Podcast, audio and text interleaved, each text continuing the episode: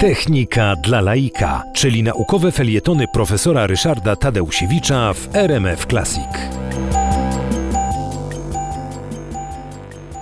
Kazimierz Nicz, wybitny polonista z Uniwersytetu Jagiellońskiego, żyjący w latach 1874-1958, był no, ogromnym takim purystą językowym. Jako polonista oczywiście wymagał od studentów absolutnie czystego języka i bardzo y, zawsze przestrzegał tego, żeby studenci się wyrażali bardzo, bardzo e, piękną, poprawną polszczyzną. Profesor Kazimierz Nicz pewnego razu wywiesił kartkę, on był bardzo surowym egzaminatorem, wobec tego ta kartka dotyczyła wielu studentów, a na kartce było napisane studenci, co nie zdali egzaminu, zgłoszą się.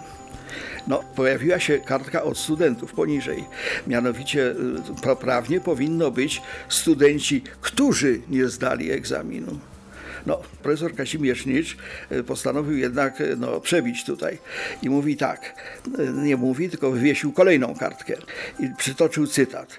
Panno święta, co jasnej broni Częstochowy, co jasnej broni Częstochowy.